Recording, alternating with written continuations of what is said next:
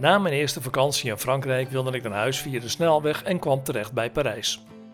Omdat mijn Frans in die tijd nog niet echt goed was, maakte ik bij Parijs een fatale fout. Ik koos de afrit Paris-West in plaats van Paris-Lest. Ofwel Parijs-West in plaats van Parijs-Oost. Het gevolg was dat ik niet veel later met een volgepakte auto, Marianne en de kinderen op de achterbank in hartje Parijs terecht kwam. Je kunt je voorstellen dat er nogal wat verwijten heen en weer werden geslingerd en de sfeer in de auto tot onder het nulpunt was gezakt. Het was in de tijd van de autokaart op de knie van de bijrijder. Niks handige navigatiesystemen of apps die je de weg konden wijzen.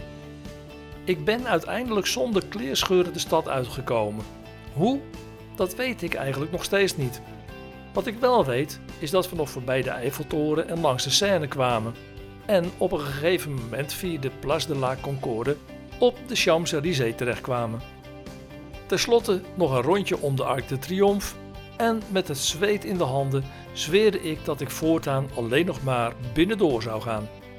Toen we eenmaal Parijs uit waren en weer op de snelweg naar huis reden, waren de kinderen ook weer van de schrik bekomen en zongen op de achterbank in koor: Papa gaat alleen nog maar Frankrijk binnendoor. En vanaf dat moment gingen al onze vakanties over de Franse binnenwegen. En daar heb ik het andere Frankrijk leren kennen. Die ervaringen geef ik nu door met mijn gratis tips, de unieke podcasts en mijn e-books over Frankrijk en Parijs. Wil je meer? Dan kun je net als duizenden andere Frankrijk-liefhebbers lid worden van Frankrijk Binnendoor.